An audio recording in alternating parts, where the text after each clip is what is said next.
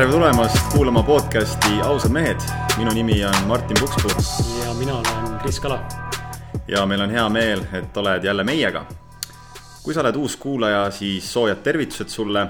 oled jõudnud kuulama siis podcasti, kus me räägime Krisiga kahekesi, vahel saatekülalistega oma isiklikust eludest, isiklikest eludest. jagame oma kogemusi vahetult, siiralt, ausalt ja räägime kõigel elulisel, räägime edust, edukusest, spirituaalsusest, räägime raha teenimisest, räägime suhetest, räägime kõigest, kõigest.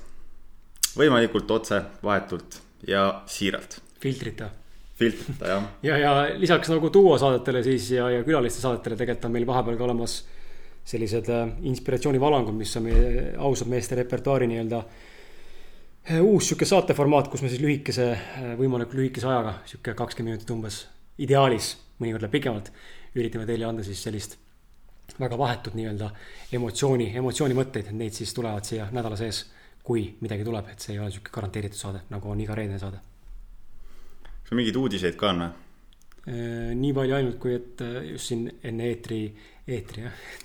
Räige televisioon, et enne eetri, eetriväliselt sai rääkida siin seda, et et see Eesti kliima on hakanud siin vaikselt mõjutama, et mul siin tekkis ohatis ja, ja Martin on siin silmad paistes ja, ja, ja et vaikselt see niidab, niidab see külm meid siin ja see on, tundub, et iga hooajaga sihuke kaasas käiv näht, et et inimesed nakatuvad ikkagi mingisugusesse asjadesse. Ja suht tihti tegelikult ma ütlen ausalt, mulle tundub, et tegelikult ma ei tea, kas alati on probleem ka selles, et meie immuunsüsteem on nõrk, pigem ma arvan, et väga tihti võib olla ka tegelikult probleem selles, et meil endal tegelikult nii palju sitta sees, mis tegelikult tuleb ülesse mingil hetkel. just, et elu toob erinevaid situatsioone, kogemusi. ja võib-olla mingi inimene käivitab sinus mingisuguse mustri, mis tegelikult toob esile mingisuguse, ütleme, emotsionaalse või mingisuguse muu alla surutud nii-öelda vallandumise, on ju. ja see tulemus on see, et võib-olla haigeks.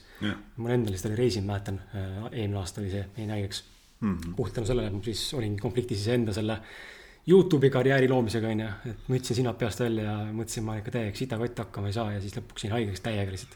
sest et ma lihtsalt tundsin, kuidas kõik see pasm, mis oli kogunenud endasse, tuli mm -hmm. nagu välja. ja et, et selles mõttes jah, see ei pruugi alati olla, armas kuulaja, seotud selle nagu tervisega nii-öelda jah. või noh, kliimaga, vabandust, mitte tervisega. tervisega kindlasti jah. kuigi no kindlasti mõjutab see, et me ei saa päiksevalgust. ja, ja absoluutselt. ülipalju on neid päevi, kus põhimõtteliselt ei näegi valgust ärkad üles, siis lähed kuhugi siseruumidesse koopaelu. aga tegelikult täna on meil jälle saade külalisega. et meil on siin üks väga-väga tore külaline. ja mis siin ikka, tere Mikk. tere. et teeme väikse sissejuhatuse ka siis, et Mikk. Mikk Pedaja on siis kahekümne viie aastane Eesti muusik ja helilooja muusikasse panustab ta peamiselt oma hüpnotiseeriva hääle ja tinistava kitarri ja elektroonika komboga. Mikk on kuulunud ka instrumentaalduosse, mille koosseisus ta täna enam küll ei ole. tema muusika ühendab loodushääled, issand, mul läks rõhk väga paigast ära. tema muusika ühendab loodushääled hõljuvate kõlamaastike ja helimustritega, mis on inspireeritud inimestest tema ümber, loodusest, tunnetest ja lihtsalt olemisest aastal kaks tuhat kuusteist osales ta ka Eesti Lauluvõistlusel, kus ta jäi, enda lauluga Seis viiendaks. aastal kaks tuhat seitseteist võitis ta auhinna aasta alternatiiv indie albumi kategoorias. Lisaks muusikale armastab Mikk taimetoitu, on aktiivne noormees, kes on otsustanud juba varakult enda liistude juurde kindlaks jääda ning teab, mida elus jaib väga naljakas on lugeda maha lauseid, kui nagu ei oska ette oodata, kuhu lause jääb, kuidagi rõhud lähevad väga paigast ära. Nagu, nagu mingisugune eesti keele oskamatust lugenud praegu.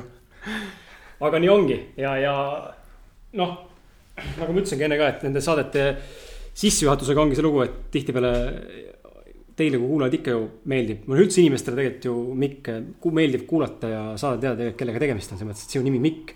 võib-olla ütle midagi, onju, aga kui sa ütled Mikk Pedaja, siis juba te, ilmselt tekib nagu mingisugune rohkem visioon, onju, ja, ja, ja võib-olla ka ei teki nagu nimest endast, aga kui saab selle kirjelduse taha sinna no iseloomustuse, kes sa oled, mis sa teinud oled mm, -hmm. siis võib-olla on see, kus inimestel käib pirn, ah, see on see vend ju muidugi tean. sest minu arust on ülimalt oluline, kui see nagu üldse inimesed kedagi kuulatakse, siis tekiks ära see resonants. Nagu ma kuulan kasvõi noh, ma ei tea, a la toon näite, ma kuulan siin Gary Veed on ju või mingisugust mingit muud ettevõttes olevat inimest. ja kui mul ei ole nagu see teema, millega tema tegeleb, ei, ei paelu mind, siis võib-olla mul ikka ei ära klikki, vahet pole, kui kuulus ta inimesena on, on ju. et võib-olla pole kuulnud temast midagi ma arvan, et see sissejuhatus on tegelikult hästi, hästi oluline asi inimeste juures. ja see, et sa lugesid praegu niimoodi eh, oskamatult maha seda, see oli, see on väga hea. seda välja ei lõika. seda välja ei lõika. jääb sisse. kas, Mikk, kas ma küsin niimoodi kohe, kas sa oled suguluses Lauri Pedajaga? Enda teada ei ole. okei okay ma miskipärast arvan, et ei ole, aga lihtsalt igaks juhuks. et äh,, Laurit isiklikult tead, ei tea äh,? põgusalt. me oleme kohtunud, aga igapäevaselt ei suhtle mm. -hmm. no selge. jah. Lähme selle, lähme selle klassikalise küsimuse juurde, et lähme kohe saatega peale, ärme hakka siin üldse kuulajate aega raiskama, kõik on niigi juba ootavad siin ah,. enne kui lähen saate juurde, vabandust, ma unustasin öelda, üks asi jälle, ma räägin kui skript ikka ees ei ole, siis asjad lähevad meelest ära, et äh, tänane saade teeb eriseks see, et Mikk on muusik ja, ja Mikk on olnud nii hea, et äh, on lubanud siis kasutada meil tema muusikat meie tänases saates, seega yeah. ma arvan, et üks, kaks kuni kolm laulu siin saates täna kõlavad täisformaadis ja millal need tulevad, seda me vaatame jooksvalt ja me anname teada, sest ise saate aru ka, et me päris lambist seda peale ei pane, aga et hoiatame ette, nüüd tuleb laul, et teeme väikseid siukseid vahepause ka oma tekstile, et väike väike sihuke vaheldus, ma arvan, meie saate formaadis, kus siis saab ka muusikat kuulata, et tavaliselt ju ei ole meil sellist, sellist lahedat võimalust. aga lähme selle saate juurde ja ma küsin esimese küsimusena kohe Mikult, annan Mikule sõna siin, et saaks enda suu puhtaks rääkida ja, ja, ja peale rüübatud tee ka välja, välja käristada, et mis on sinu lugu. ja, ja kui ma pean silmas lugu, siis nagu me kõik teame, meil, meil igalühel on enda individuaalne selline lugu, lugu, teekond, kuhu me oleme jõudnud täna. see teekond võib olla teine hoopis kümne aasta pärast, aga kuna me täna siin sinuga istume, aasta kaks tuhat kaheksateist, siis mis on olnud sinu lugu, ütleme siis sellel teekonnal, kes sa täna oled? kõik, hõlmates tervet sinu nii-öelda nagu olemust, et tahad sa siis teha detailselt või, või põgusalt, et see on enda valik, aga mis on sinu lugu? ma sündisin Rapla haiglas ja oma väga varajasest lapsepõlvest ma, ma ei mäletagi midagi eriti peale selle, et äh, me käisime tihti lobil äh, Lahemaal ja me ajasime vanaema ja emaga vees käpuli ühte pisikest kollast parti taga. noh, see oli mängupart ja kui see väike kummist või see sihuke? kummist jah okay., sihuke, see, kellel kõigil oli see vannis olemas. ja, ja, ja ühesõnaga see koht, Lahemaa on väga armsaks saanud mulle ja ma üritan seal pea iga kord käia, kui ma Lahemaale satun. aga jah, ma kasvasin pool oma lapsepõlve Kehtnas ja Raplamaal, Rapla külje all. ja käisin koolis ka Kehtna põhikoolis, üheksa klassi. ning äh, seal ma käisin ka muusikakoolis, Kehtna kunstide koolis, esialgu oli mõni äh, laulu, laulutund ka niimoodi, et äh, Kehtna kunstide koolis oli, oli selline ka tore koor, lastekoor nii-öelda. Ja, ja siis selle kunstide kooli väliselt käis meil äh, Tea Paluja käis vahepeal äh, andmas poistekooritunde ja Kehtna laulu, laul või Kehtna põhikooli lauluõpetaja andis ka meile mõned äh, tunnid seal poistekoori. ja mm, edasi ma läksingi õppima Raplasse laulmist Tea Paluja juurde et ähm, mu ema isegi ei teadnud, et ma käin laulmas. niimoodi, et äh, Tea Paluja üks päev helistas mu emale, et äh,, et kus Mikk on, et ta äh, täna pidi tundi tulema, et kus ta on. Ja ma käisin salaja häälega Kehtnast Raplas, see on siis mingi kümme kilti umbes. ja siis ma käisin salaja laulutundides ema ütleb, et ma ei tea, lihtsalt kuidagi juhtus nii et ähm, ühesõnaga sihuke väike fakt. et äh, ja siis ema ütles, et äh, ma ei tea, kus ta on, et et koju, kodus teda ei ole hetkel, aga aga laulma ka otseselt ei jõudnud, ma ei tea, kus ma siis olin, aga hääletasid kuskil? hääletasin, ei saanud peale ilmselt. et äh, ma päris palju hääletasin tegelikult äh, nooruses. nii Tallinnasse, Raplast Tallinnasse, Tartusse, igale poole. et äh, see oli sihuke omaette tore adventure. aga mm, aga hääletust, segan vahele, hääletust. Et nagu, kui nagu korra peatuda hääletamisel, et äh, oskad sa äkki, kui, kui mõni kuulaja näiteks, mina tegelikult olen ka see inimene, kes hääletamist, ma ei, ma ei vihka, aga nagu ma natuke pelgan mingil määral nagu Mm. mm., noh, me kunagi ei tea, kelle otsa satud on, isegi. kuigi noh, kui sa oled nagu keep it positive ja oled nagu ise normaalne inimene, siis tõenäoliselt ei satu su ellu ka universumi poolt mingisugust väga mingit palgamõrtsukat onju, et aga mm. mm, hillbillik kuskilt on Eesti maakolkast, aga et kuidas on nagu, kuidas sina sellesse hääletamisse nagu suhtud, et see pigem nagu ma aru saan, sulle meeldib ja, ja või kui palju, mis sa, kui nagu lisaks meeldimusele, kas oskad äkki tuua välja mõned väärtused näiteks või äkki mingid tähelepanekud. kas äh, hääletamise jooksul oled midagi õppinud äkki enda kohta midagi rohkem või, või äkki on mingid tutvused midagi elu juures sulle avastanud või näinud, näidanud sulle? kannatlikkust see on, ma mäletan, kui ma ükskord Hispaanias hääletasin, seal ei ole üldse normaalne nii-öelda hääletada, kõik lasid piipu. ja ma olin mingisugune mingi kuus tundi vist hääletanud. kolmkümmend kraadi oli õues sooja ja siis äh, lõpuks võttis üks ähm, mees peale ja küsis, et äh, kus ma lähen. ja ma ütlesin, et ma ei tea veel ja siis ta viis mind äh, Malaga lä- lähistele kuskile mingi viiskümmend kilti, pani mind maha, andis oma numbri, ütles, et kui sa kuskile magama ei saa minna, et, et äh, võid mulle helistada. siis ma istusin seal rannas ja, ja ühtegi söögikohta ka tee peale ei jäänud, siis mul oli veel äh, päeva jooksul kotis soojenenud äh, sai ja kurk ja see oli nagu üks äh, parimaid asju sellel hetkel, mis sai olla.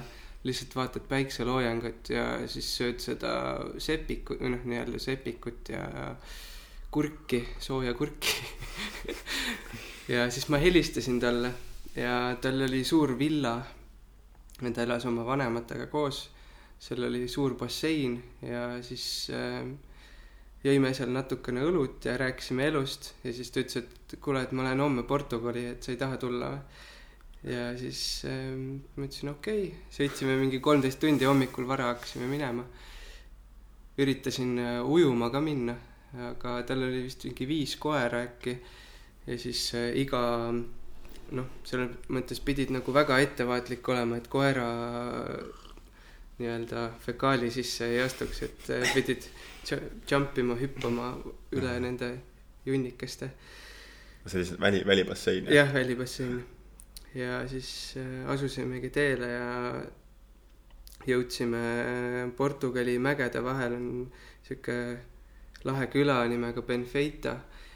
Ja seal oli äh, pisike sihuke mägimajake, et äh, ka Hispaanias ja Portugalis on ehitatud sellistest äh, lamedatest kividest sellised hütid. Mhm.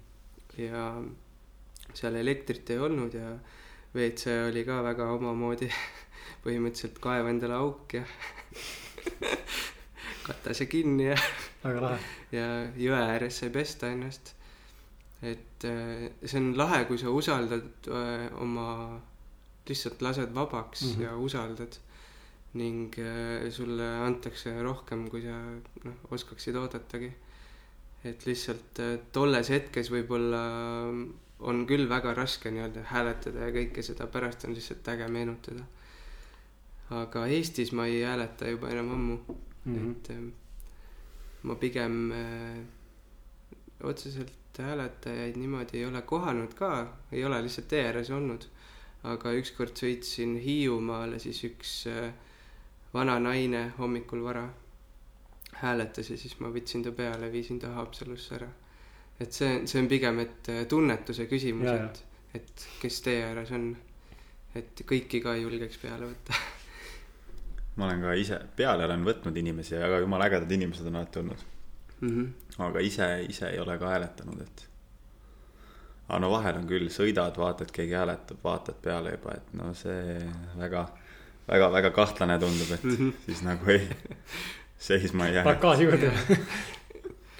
Kuradi lahe, et sa mainisid äh, sihuke äge kogemus. ootamatu nagu mm.. pööre nagu selles mõttes, huvitav nagu kuulata seda sellepärast just, et ma just ise tulin Hispaaniast ja Portugalist ja Malaga kogu see kandist. eelmine talv ma olin Mm -hmm. kolm kuud elasin autos oma elukaaslasega ja sõitsime põhimõtteliselt noh, kui nüüd visuaalselt kaarti ette kujutada, kuulajad ka, siis kui sa tuled all Prantsusmaalt, ületad Hispaania piiri, siis seal on see Andorra.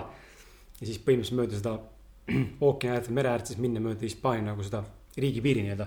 Mm -hmm. sa Sinna- läksid juba nagu põhja, põhja. Põhja, Põhja-Hispaaniasse, siis sealt Põhja-Portugali ja siis mm Mhm. -hmm. mööda Portugali seda ookeani rannikut täiesti lõpuni alla välja, kuni siis sealt alt Lõuna-Hispaania mm, -hmm. Lõuna-Portugalist Lõuna-Hispaaniasse. ja siis, siis sealt ülesse, ülesse Partsasse ja Parts tagasi mm. -hmm. Eestisse, et äh, kolm kuud ja, ja väga lahe. täitsa kohe tulid need mälestused meelde, kus ma mainisin sõna Portugali, hispaanlased, see oli nagu nii lahe, see Malaga kant on hästi ilus ja, ja mm, Mm -hmm. ja, ja mäletan, sa mainisid seda, et see võiku on ju, et nagu nii vähe on tegelikult vaja, et elus olla õnnelik ja nagu tabad ennast mingist piikses momendis, kus tegelikult tunned, et fuck yeah, this is it on ju. ja ma mäletan, meid tabas äh, ka see moment, kui me olime, olime kahel korral, aga üks, üks äh, viimastest kordadest oli siis see, see rand, kus me peatusime nädalaks ajaks ähm,. sihuke pikk ranniku nagu ala, rannaala sihuke hästi suur, linna Tarifa lähedal äh, Hispaanias all mm. -hmm., Lõuna-Hispaanias olen käinud seal. ja seal oli, see on mingi populaarne kitesurfi nii-öelda nagu Mhm, rand, hästi mhm. meeletult lai. ja seal on nagu kõik need vännerid üks taga pargivad niimoodi, seal on sadu, sadu kämp-, kämperid ja vänne autosid, me olime ka seal ja elasime koos nagu mingid hipsterid seal kommuunis, aga jube mõnus ja kõik tülitanud sind. kõik olid nagu friendly, kõik on aastavahetus veetsime seal ja muidugi noh, seal me tegime lapse onju, et see oli see nagu erinev meie jaoks ka. aga just mäletan, et seal nagu rannas nagu oli nii mõnus olla nädal aega ühe koha peal ja, ja tegelikult ai- ainus asi, mis vaja oli selleks, et õnne tunda, oligi nagu su partner, maailm sinu ümber ja ookean onju ja on kõik. Ja muidugi mul oli päevi, mida kirjutada enda mõtteid. et nagu selles mõttes hästi-hästi huvitav, et kui vähe tegelikult on inimesel vaja, kui inimene suudab kogeda tõesti seda momenti, et fuck yeah, mul ongi ainult seda praegu vaja, mis tegelikult praegu on, sest me tegelikult kipume ikkagi jahtima elus nagu täiesti abstraktseid, abstraktseid sitta oma elus. just nagu materiaalse koha pealt, et mis ei ole üldse vale. aga, aga varem või hiljem me näeme tegelikult ju, et noh, see ei tee meid õnnelikuks pikas perspektiivis mm, -hmm. olgu see auto või raha või mis iganes, neid asju on vaja. aga see ei tee meid õnnelikuks. Ja ongi, mul oli nii hea nagu hea meel ja samas nagu lahe kuulata, et sa mainisid praegu seda, seda pisikest nüanssi, et sa tundsid ennast nagu in the heaven korraks onju, et Mm -hmm. Malaga on ju, soe on ju, sul on see enam-vähem pool mädant seal kurgiga läbi vettinud kotis päikesest kurk on ju. ja, ja ei no väga lahe ja see, et nagu just see ka, sa mainisid ka, et ongi, et see, mis, et see, mis sa endast välja saadad, see energia. et see on see, mis sa nagu vastu saad ka, et said siukse Mhm. inimese, inimesega kokku, kes nagu pakkus sulle sellist võimalust. et see on nagu väga lahe. Kujutan ette, et mõni teine oleks võib-olla sattunud hoopis noh, hoopis teise olukorda, Mm väga kihvt. jah, mul nii, mul ei olegi vist ühtegi nii spontaanset kogemust, kui ma mõtlema hakkan, vähemalt ei- praegu ei tule ette nagu. äge, Mm -hmm. mis meil seal küsimuste. sul jäi, sul jäi ju pooleli oma, oma see lugu, lugu jäi pooleli. ja, ja, ma segasin selle jah, hääletusega vahele. ei väga hea, see on just hea ähm,. jah, ma käisin seal tea juures laulmas ja, ja seal sai äh,, ma sain väga suure pagasi tänu siis äh, koori laulmisele, me tegime vokaalansamblit ka, mille nimi oli Tohoh, kolm poissi ja ja siis ma tegin ka soolotunde ja äh, käisin äh, laulukarussellis ja, ja mis oli ka omaette põnev kogemus. aga jah, tänu sellele vokaalansambli kogemusele ma oskangi tänapäeval seda rakendada juba enda lugudesse panna a la äh, mitmehäälseid äh, seadeid teha ja nii mm. -hmm. et see on, tuleb alles äh, millalgi hiljem kasuks, et sa saad sellest siis alles aru. et ähm, tol hetkel oli jah, et palju tööd tuleb teha ja, ja see ähm, et noh, selles mõttes arenemisruumi on veel siiani väga palju. et tuleb iga päev ikkagi natukene ümiseda. huvitav on see, et nagu see, sa mainisid nagu poistekoori ja koolis ka nagu laulmist, et ma ise nagu mõtlen enda peale ja kui ma mõtlen üldse noorema nagu vanuse või generatsiooni või nagu vanuseklassi poole, et mingi aeg oli jube popp tegelikult ja poisid olid nagu poistekooris kogu aeg, et see nagu tundub, et see Mhm. laulmine tegelikult on nagu mingi osa ikkagi meis nagu sees olemas, et nagu seda kas Muidugi. propageeritakse lihtsalt või siis see ongi see, et see nagu meil loomupärane mingi asi ikkagi eneseväljenduse üks nagu vormidest, mis nagu võiks inimesel olla, onju. Ja vaatan oma lapsega ka praegu siin, noh, ma laulan talle, minu lauluhääl on null onju, selles mõttes ma ei, hea, ma viisiga pean onju, aga. aga nagu laulan talle oma mingid, mingid kindlad mingid meloodiad, mis on peas on mingi kindel laul, aga oma, oma sõnadega onju, mis pähe tuleb spontaanselt. ja ma näen, et see nagu rahustab teda mingil määral ja, ja samas nagu pakub endale ka seda põnevust nagu, et lapsega lõbusam onju, et mm. -hmm. nagu nii huvitav, et see laulmine on nagu meis tegelikult sees olemas. muidugi meis on see kõigis sees olemas tegelikult. Et see on lihtsalt, kui me beebina sünnime, me oleme ju tegelikult nagu puhas leht, onju. Mhm. ja noh, samas algab see juba nagu kõhust peale, et kus nagu a la ema äkki laulab oma lapsele, kes on kõhus, onju. või isa. et see on, see on jah oluline. sellepärast, et äh, läbi laulmise või üldse läbi kunsti või mingi loomingulise tegevuse me saame ennast äh, väljendada, enda nagu selle sisu esile tuua. et ähm, mõni kasutab ka seda nagu lihtsalt väljaelamiseks mm. -hmm. või, või noh, teraap-, teraapia mingil määral ja, ja. aga mm, muusika kui, kui selline on nagu pigem lihtsalt üks osa minu loomingust. et äh, mulle meeldib ka väga pildistada ja filmida ja, ja äh, joonistada vahepeal ja et kui vahepeal tõesti muusikast on äh, või noh, nagu praegu näiteks peale selle plaadiprotsessi, mis on olnud mega intensiivne, et siis on sihuke tunne, et tahaks lihtsalt midagi muud teha korra. et ähm, aga nüüd on õige aeg seda hakata esitlema, siis kui endal on kopp ees. see on, see on tegelikult nii õige tegelikult, see on nii õige tegelikult. aga kõige haigem on see, et kui sa selles sees oled, siis sa tegelikult ei taha lõpuks enam kuuldagi Mhm. sellest, sest et sa oled seda nämmutanud endale juba. aga kui sa selle välja, vabandust, ma ei, et kui sa selle välja annad, et siis ta hakkab juba elama täiesti oma elu. jaa, absoluutselt jah. ma ise lihtsalt näen nagu võib-olla muusikul on nagu võib-olla, ma ei tea, vaata ongi protsessid on erinevad elus ja Martin siin personaaltreenerina ka tegelikult protsess on nagu erinev, aga, aga see nagu töö tulemus on tegelikult on ikkagi üks sama, et sa paned kogu tööd sisse, sa näed vaeva, on ju, käid koolis on ju, sinu puhul on ju. miks salvestab laule siin stuudios on ju ja lõpuks on seal mingid järeltöötlused, asjad on ju. mina kirjutan loen kogu aeg üle. mina nagu tunnen ka seda just jälle, mis sa ütlesidki, et nagu see resonants on nii tugev sellega, et lõpuks on nagu sellest projektist endal nagu nii kopp ees ei jõua lihtsalt enam sest et sa tahad nagu seda välja anda, sa tunned nagu, et see on nagu sa oled meeletu töö pannud sinna sisse. aga samal ajal sa tead, et kogu see protsess, nüüd kui sa välja annad, siis alles tegelikult hakkab. Hakkavad need esitlused on ju, Mhm. hakkavad need, selle teema rääkimine, selle müümine mingil määral, enda müümine on ju. et nagu see on meeletu, meeletu tegelikult äh, töö, mis äh, inimest sisse tuleb panna ja noh, muusikuna on, muusikuna sul on ju vaja kasutada noh, oma häält. kui seda ei ole, siis noh, siis ei ole ka seda, mida teha, on ju tõsi. et selles mõttes on nagu jah, lahe. aga muusikast, kui pärast, ütleme, kui see kool nagu läbi sai, esimesed äh, siuksed nagu ametlikumad, suuremad bändid ette tulid äh,. kuidas sa sinna jõudsid ja, ja kuidas üldse või miks sa üldse sellest bändist välja kasvasid ja, ja kuidas sa üldse oled täna jõudnud siia, et sa oled noh, esindad sellist brändi nagu Mikk Pedaja. no ähm, ma hakkasin tegema bändi umbes, täpselt aastat tegelikult ei oska öelda, aga kuus-seitse äkki aastat tagasi. Uku Kübaraga, enda väga hea sõbraga. ja me tegime sellist duot nagu Mitsutsu. ja, ja tänu talle ma õppisin tegelikult hästi palju ja äh, ta arendas, aitas või noh, nii-öelda arendada minus seda instrumentaalpoolt ja kuidagi selline maitse arenes välja just sellel perioodil, sest me kuulasime tohutult palju muusikat ja mm, tegime ise samal ajal muusikat ja mm, mingi hetk ma lõpetasin laulmise ära, kuna ma sattusin endaga natukene pahuksisse.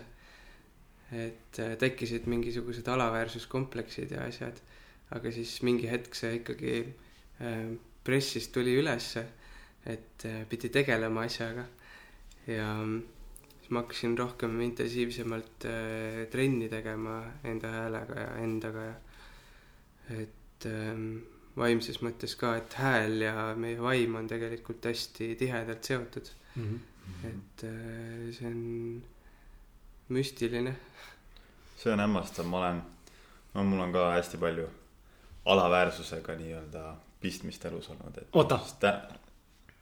stopp, nii, enne kui sa alaväärselt hakkad rääkima, see on teema, millest tahtsin tegelikult siin ka natuke surkida veel. okei okay., kuulame ühe Miku esimese laulu siit saatest, sest et kakskümmend minutit saadet on juba jooksnud. paneme siin käima selle esimese laulu ja pärast esimest laulu, kui tagasi tuleme, siis räägime sellest alaväärsuskompleksist ja võib-olla sellest, mismoodi see mõjutab tegelikult ka meid nagu üleüldse elus, me oleme sellest Martiniga eelnevalt rääkinud ka, aga Mikk saab jagada meile enda kogemust, kuidas seda mõtteid mõjutanud on. mis laulu Mikk, paneme esimesena, paneme äkki midagi uuelt plaadilt, no paneme, uus singel, paneme. Heat and Leave. no nii, läheb see, head kuulamist teile, kohtume pärast.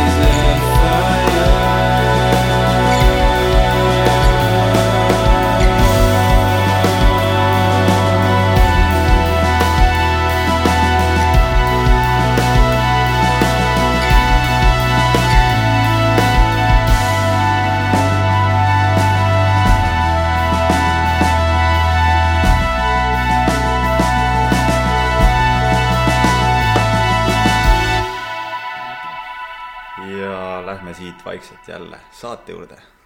kuidas lugu meeldis? meeldis, eks ju? igal juhul alaväärsuse juurde tagasi tulles, siis ma olen märganud seda, et siis, kui ma olen endaga nagu hästi kehva kontakt, ongi mingi hästi palju hirme tuleb üles, hästi palju alaväärsust, siis nagu hääl on ka kuidagi hoopis teine nagu. väriseb sihuke. hääl väriseb, kuidagi rääkida on imelik, kuidagi selline. ei tunne, ongi sihuke tunne nagu ei oleks enda hääl. Ja samas siis, kui on nagu hästi hea olla, kõik on tasakaalus äh,, enesekindlus paigas, siis, siis on hääl ka kuidagi hoopis teine ja en- enda, enda juttu ja enda häält on nagu meeldivam kuulata. see on see, mis, mis ma nagu olen, olen avastanud, et mm. -hmm. kuidas sul, mis sul selle alaväärsuskomple-, alaväärsusega rohkem nagu esile tuleb, et sa mainisid seda sõna, et kas sa nagu, millest ta nagu väljendub või miks ta üldse sul nüüd välja lõi see mõte või need mõtted vahepeal? on äh, tegelikult lihtsalt see, et ähm, oli sellel puhu- äh,, ajal, et äh, ma esialgu ma ei saanud aru, et äh,, et midagi on nagu halvasti, aga siis äh, kuidagi see on seotud enda armastamisega. et ähm, kuhu ma tahtsingi jõuda mõte läks juba, nii mitu mõtet tuli. Et see on seotud enda armastusega ja, ja sellel hetkel ma tõesti ei osanud üldse teadvustadagi, et sellised äh, nii-öelda asjad on olulised meie elus. et äh, enda armastamine võrdub ka teiste armastamine ja nii, nii edasi. et ähm, ja siis ma läksin äh, instrumentaalmuusika peale hakkasin seda õppima ja nüüd ma saan aru, et see oli ülihea ja vajalik protsess, et mm. -hmm. ma sain arendada endas seda poolt ka ja koos Ukuga muidugi. et ähm, jah, kas sa kordaksid oma küsimust? Jaa, ma mõtlesin- mõtlen nagu see, mulle meeldis tegelikult, sa mainisid enesearmastamist, sest et äh, ja see, et ta käib käsikäes, käib käsikäes tegelikult selle mm, alaväärsuskompleksiga, et ma olen sellest täiesti ise samamoodi veendunud, et äh, mida vähem me mingis eluetapis ennast armastame tegelikult ja nagu tõesti, me võime endale öelda, ma armastan ennast, aga tegelikult sisimas võib-olla tegelikult noh, sa vihkad enda mingit aspekti, onju. ja, ja, ja seda on, seda tegelikult, see kohe kajastub nagu selles alaväärsuskompleksis, et sa hakkad ennast maha tegema, hakkad ennast teistega võrdlema, onju aa, just seda ma tahtsingi tegelikult yeah. välja tuua, et teistega võrdlemine, et äh, see on, oligi äh, üks põhjuseid ka, mm. -hmm. et mis tekitas selle nagu tunde, et äh, huvitav, miks see on niimoodi, nagu ma mõtlen selle peale, et mul on samamoodi, et nii kui ma kipun ennast, vahel juhtub, satud ennast kellegagi teisega võrdlema, kes on enam-vähem samas vanuses onju, isegi kui ta on teises eluvaldkonnas tegutsemine veel hullem see, kui ta sama asja teeb. siis nagu tekib kohe selline tunne, et noh, põhimõtteliselt ma ei tea, viskan selle kitarri nurka ja viskan raamat nurka ja paberi ka ja Martin paneb oma handlid nurka ja on kõik rohkem ei lähe onju, et nagu täielik sihuke nagu quitter või sihuke nagu luuseri moment tekib mm. -hmm. ja see on nagu ajutine õnneks, aga, aga et ongi huvitav, et see tekib nagu nii, nii tugevalt, et ta tekitab nii palju erinevaid emotsioone tegelikult su endas. aga see ongi see märk, et äh, siis on vaja äh, järelikult äh, rohkem nagu vaadata enda sisse ja tegeleda endaga Mhm. mm., just selle sisemise lapsega, kes meil siin sees elab mm.. -hmm. tahtsid midagi öelda, Martin?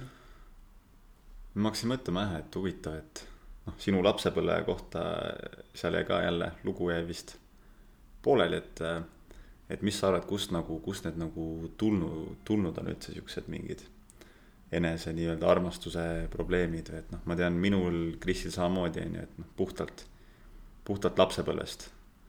et äh, suhted isaga või suhted vanematega, eks ju, et kas Mm.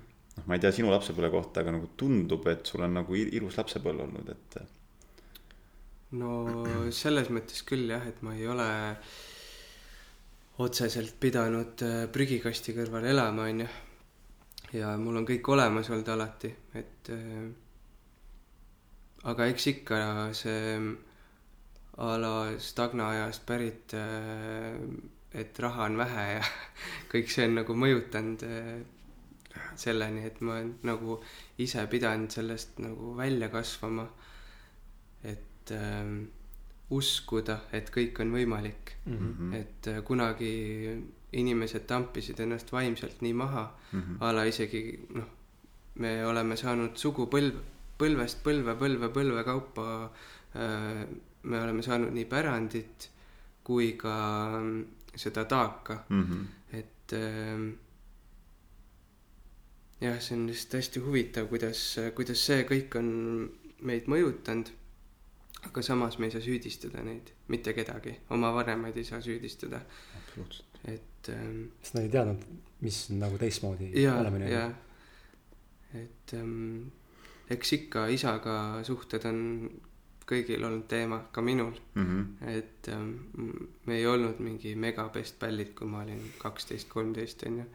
Et ma olin selline musta peaga emo poiss, kes äh,, kellele meeldiski nurga taga suitsu käia tegemas ja Mm -hmm. noh, olin selles mõttes, kõik sõbrad olid ka sellised ja ja, käisime ringi ja hängisime, sõitsime ruladega ja ahah, õppimine oli pekkis ja et ähm, aga samas seda kõike nagu neid asju, mis sa loetlesid praegu arvesse võttes, siis vaadates, kus sa täna oled, siis tegelikult need ei mängi mitte mingit absoluutset rolli. nagu selle kohaselt, et nagu nad ei, ei ole nagu mõjutanud negatiivselt, vaid vastupidi, nad on olnud selles mõttes äh, sinu nii-öelda kujundamise nagu protsessi üks võtmetest. no mingil määral mul oli see, et äh, mul olid nii Kehtna sõbrad kui ka Rapla sõbrad.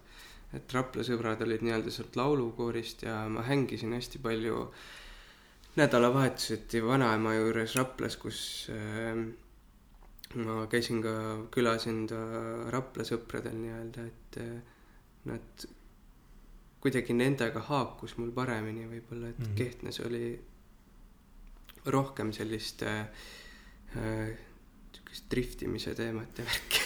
see on nüüd siuke maaossi maaossi elu oli. maakohtade värk.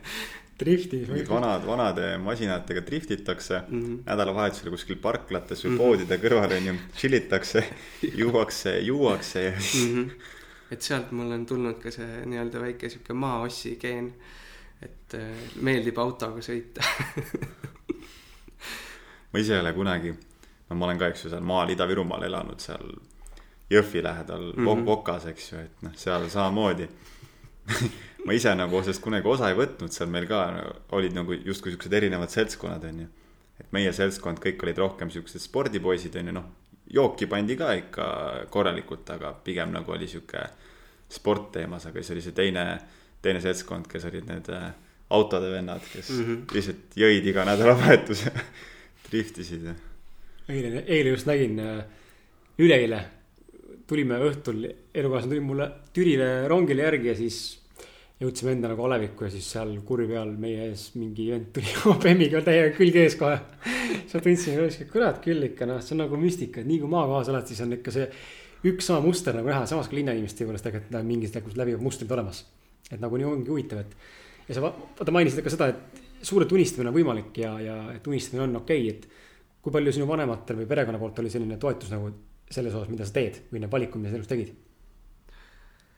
Äh, eks selles mõttes ikka nad äh, toetasid, ostsid mulle kitarri ja, ja äh, aga eks esimesed aastad, eks ikka nagu näiteks kitarriõpingutel oli see, et no, et ei tea, kui kaua ikka õpib mm. -hmm. ja nii, aga mul oli, tahe oli nii suur, et äh, ma harjutasingi kaks-kolm tundi päevas niimoodi, et näpud olid nagu valusad ja mulle tõesti meeldis väga-väga mängi-, mängida.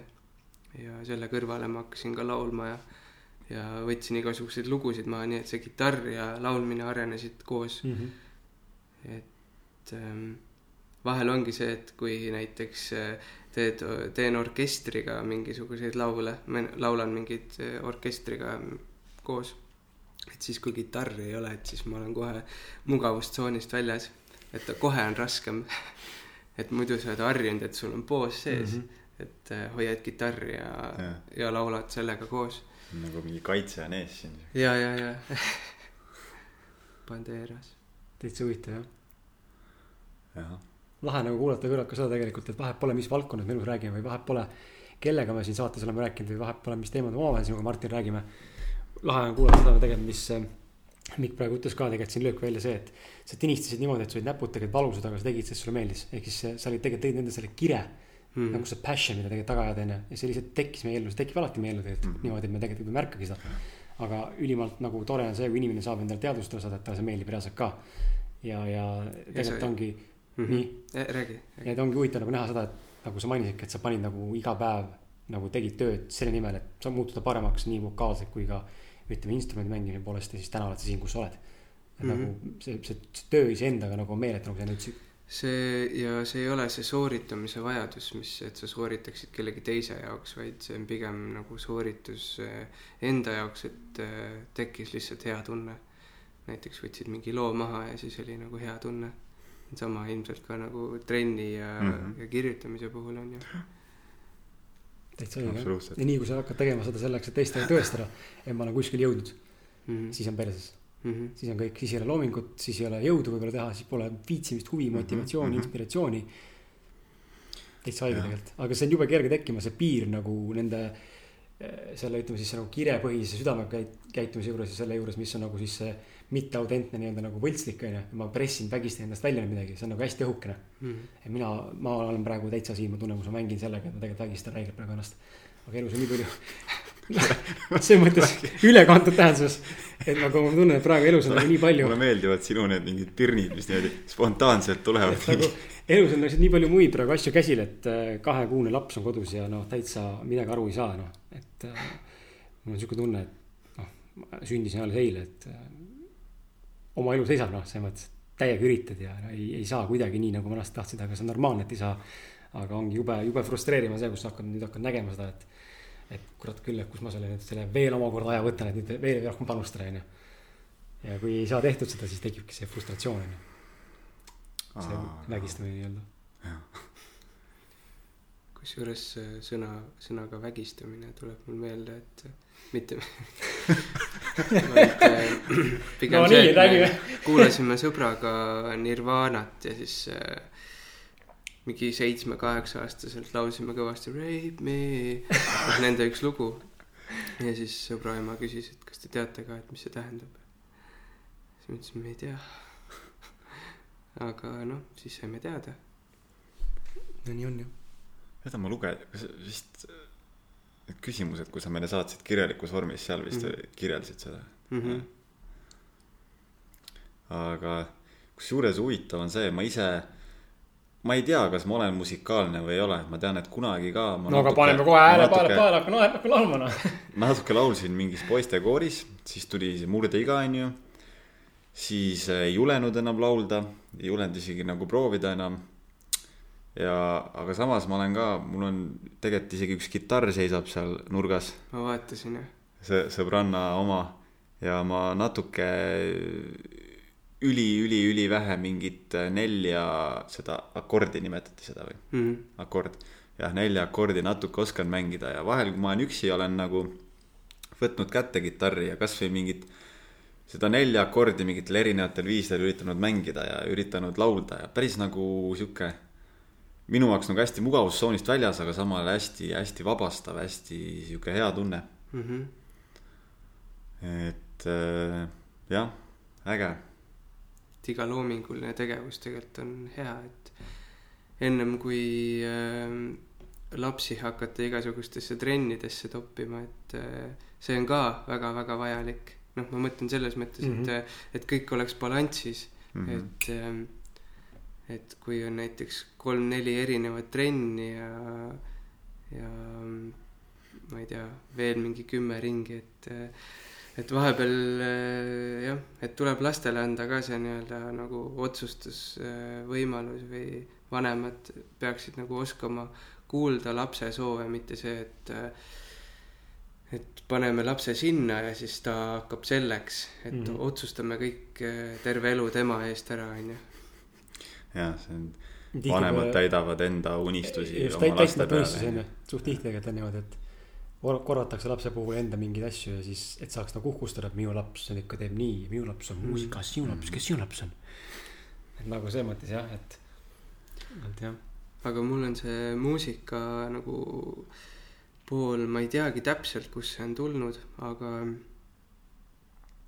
isa mul kuskil, isa ei oska üldse midagi. ema ka ei oska.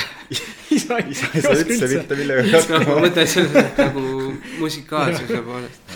isa on mul tegelikult väga andekas äh, puukunstnik. Tisler, jah, ta ehitab, voolib puust Mhm. igasuguseid äh, laudu ja tal on hästi lahe oma käekiri. aga sellega ta ei ole julenud välja tulla veel. kurat, pead ikka utsitama hakkama, kui inimene ikka Mhm. midagi hästi teeb, siis ma tuleb ikkagi suruda. üritan väga-väga, me tahtsime talle teha kodulehe, aga ta ei olnud nõus. et see on selle aja inimeste oh, mis mina. teema jah, et ah mm, -hmm. mis Mhm. mina Mhm. et ähm, tegelikult, kui sul on midagi inimestele näidata, anda, et lase tulla. et äh, see on nii ilus, mis asjad võivad hakata juhtuma peale seda, ja alati on niimoodi, et kui sul on, hirmud sul on nagu enda muusika näiteks, see meeldib ühele inimesele, siis see raudselt meeldib veel kellelegi veel. ehk siis alati on nagu öeldakse nagu, aga öeldakse ka, et igale asjale on olemas ostja. nii-öelda onju, metafoorselt onju, et, et su isa, su isa nii-öelda nendele nikeritele asjadele, laudadele asjadele oleks raudselt olemas nii huvilisi kui ka ostjaid ja kui ka need, kellel, kes seda asja hindavad täiega mm. -hmm. inimesed ei julge seda sammu minu meelest teha. ja just seesama asi on see, ma arvan, see alaväärsuskompleks ja see mitte Mhm. piisav uskumine endasse, et sa mainisid vaata seda, et mingis hetkes sa lõpetasid äh, nii-öelda noh, et sa nagu ümisesid noorena, laulsid ka onju. Mhm. ma ka onju, arvasin ka, mul on normaalne hääl, kui ma postikooris olin seal onju. jaa, aga nüüd, nüüd nagu praeguses vanuses ka mõtlen, et peaks laulma hakkama, siis tegelikult väga nagu ei julge. nagu ei taha mm. -hmm. siis ma tean, et ma ei oska mm. -hmm. aga seda meile sisendanud ühiskonna poolt, et kuule, ah ära laula, sul ei ole lauluhäält. Ja, ja, ja, mega rõve. aga samal ajal inimene, kellel on lauluhääl, talle öeldakse vastupidi, kuule, laula veel, sa laulad nii hästi. Ja see nagu kinnistab meile seda, mida me tegelikult juba teeme, onju. aga samal ajal jällegi teistpidi võib-olla see, kui sul ikkagi on endal kirgi huvi, aga sa pole ennast niimoodi arendanud, nagu sa rääkisid, et teed hääle kallal tööd, onju, teed enda muusikaasjade kallal tööd. et võib-olla sa ei ole veel nagu selles etapis, kus sa oled nagu näinud tulemusi töö praktika mõttes, aga sa tead, et sinus on olemas see asi nagu, et läbi lüüa. ja siis tuleb keegi, kes ära nullib selle, siis vahel tihti tegelikult piisabki sellest, et sellest nagu loobuda tegelikult.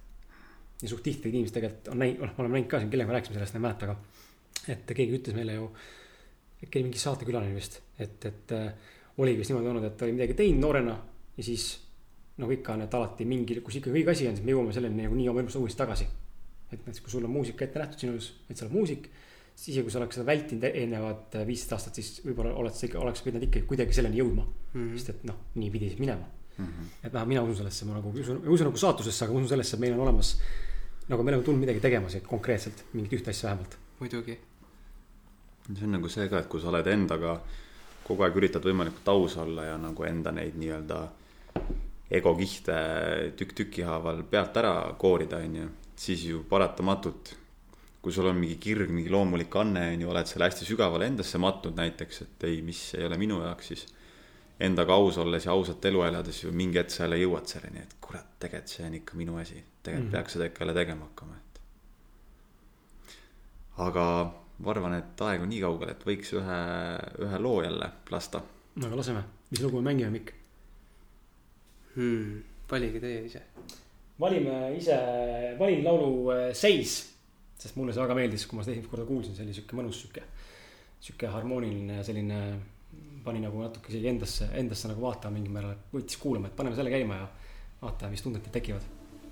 mõnusat kuulamist.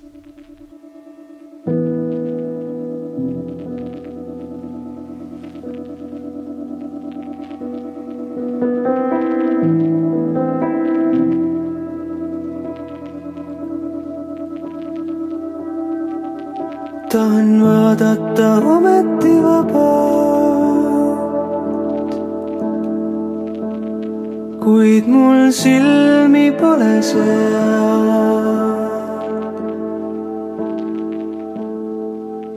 võtan kätte ja keerutan saba.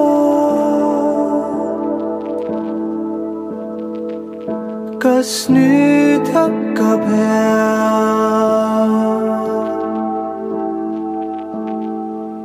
Seisan ikka veel siinsamas.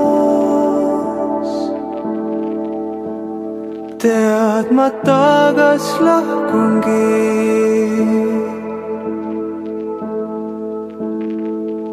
võtan kätte ja keerutan saba.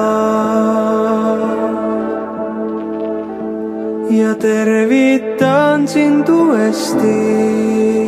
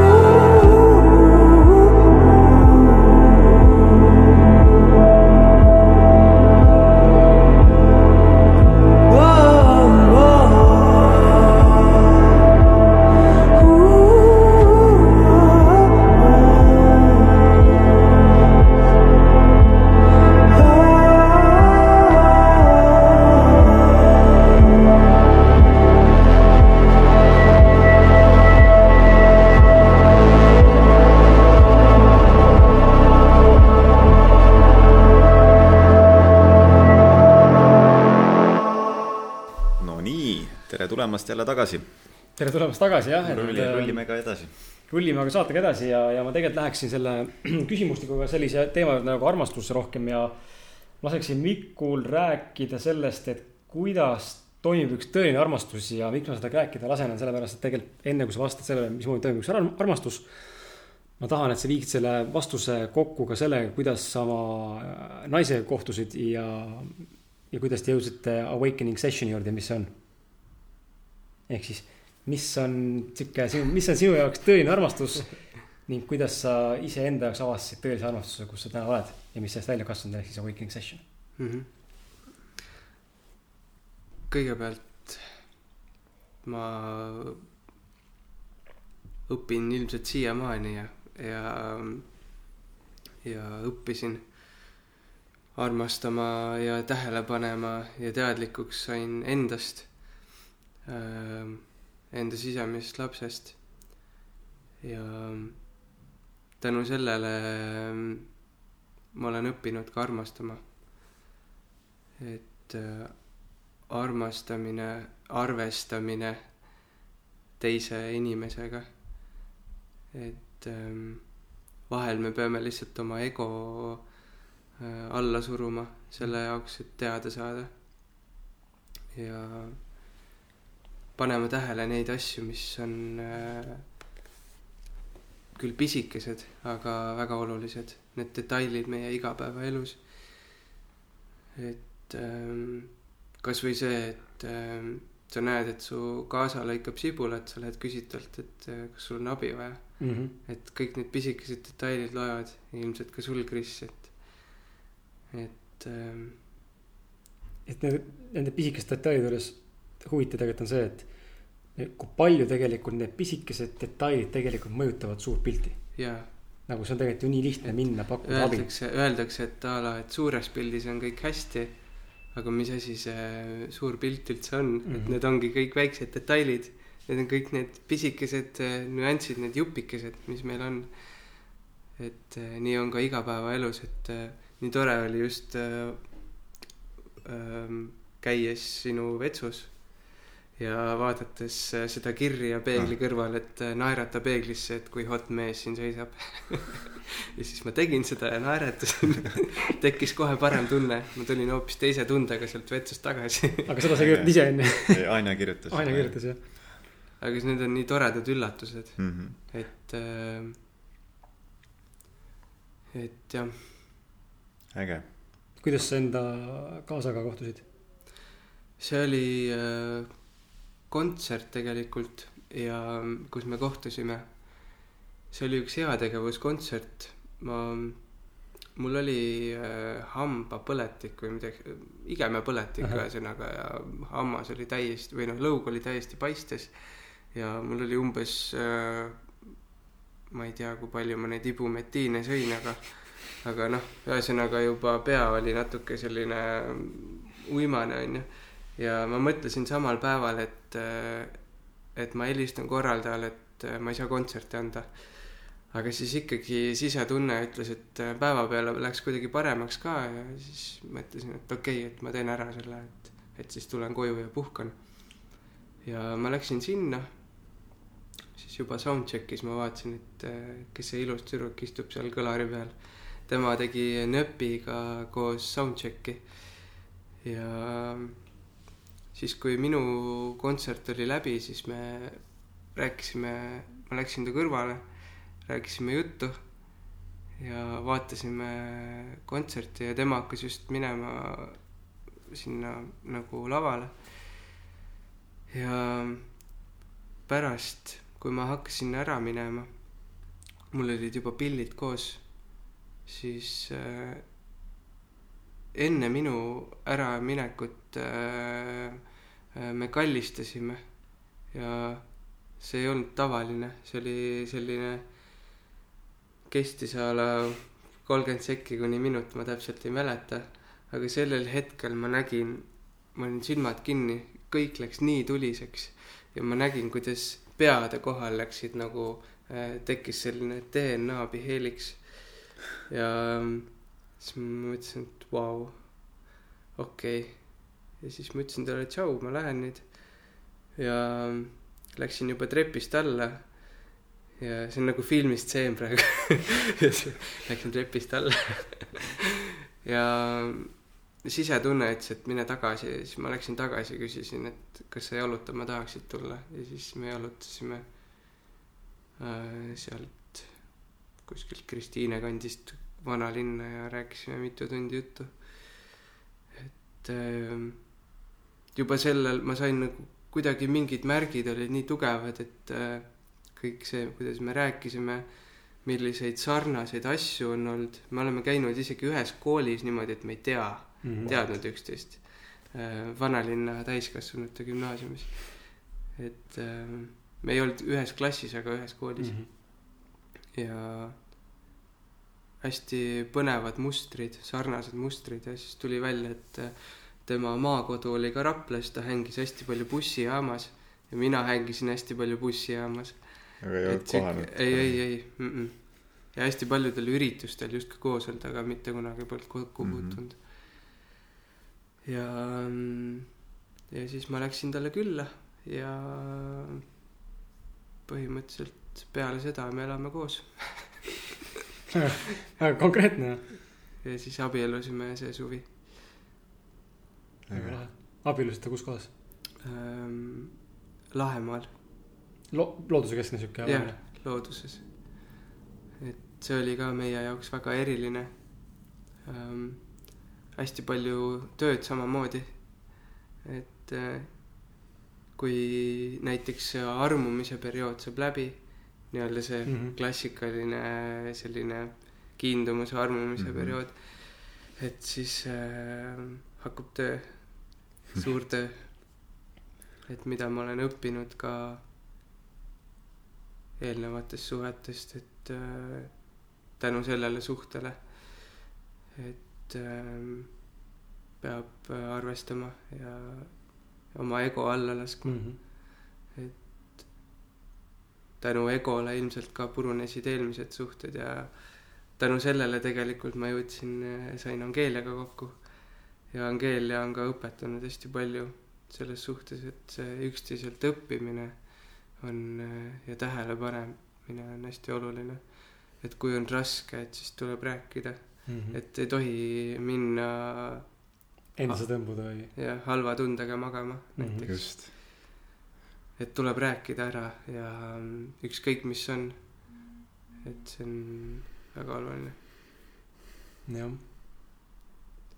jah, see on nagu, ma arvan, me kõik nagu otsime nagu mingit siukest ideaalset suhet onju või kõik oleks nagu, nagu filmis. aga tegelikult vist ja, ja tegelikult vist ükskõik kui hästi inimesed kokku ei sobi, siis äh, kui see armumisperiood saab läbi, siis täpselt nagu sa ütlesid, hakkab see tõeline töö alati pihta ja, ja. aga see ei ole, see ei pea olema selline raske töö jaa. mingi. -hmm. see on- peab ikka tulema südamest ja kergusega kõik selles mõttes.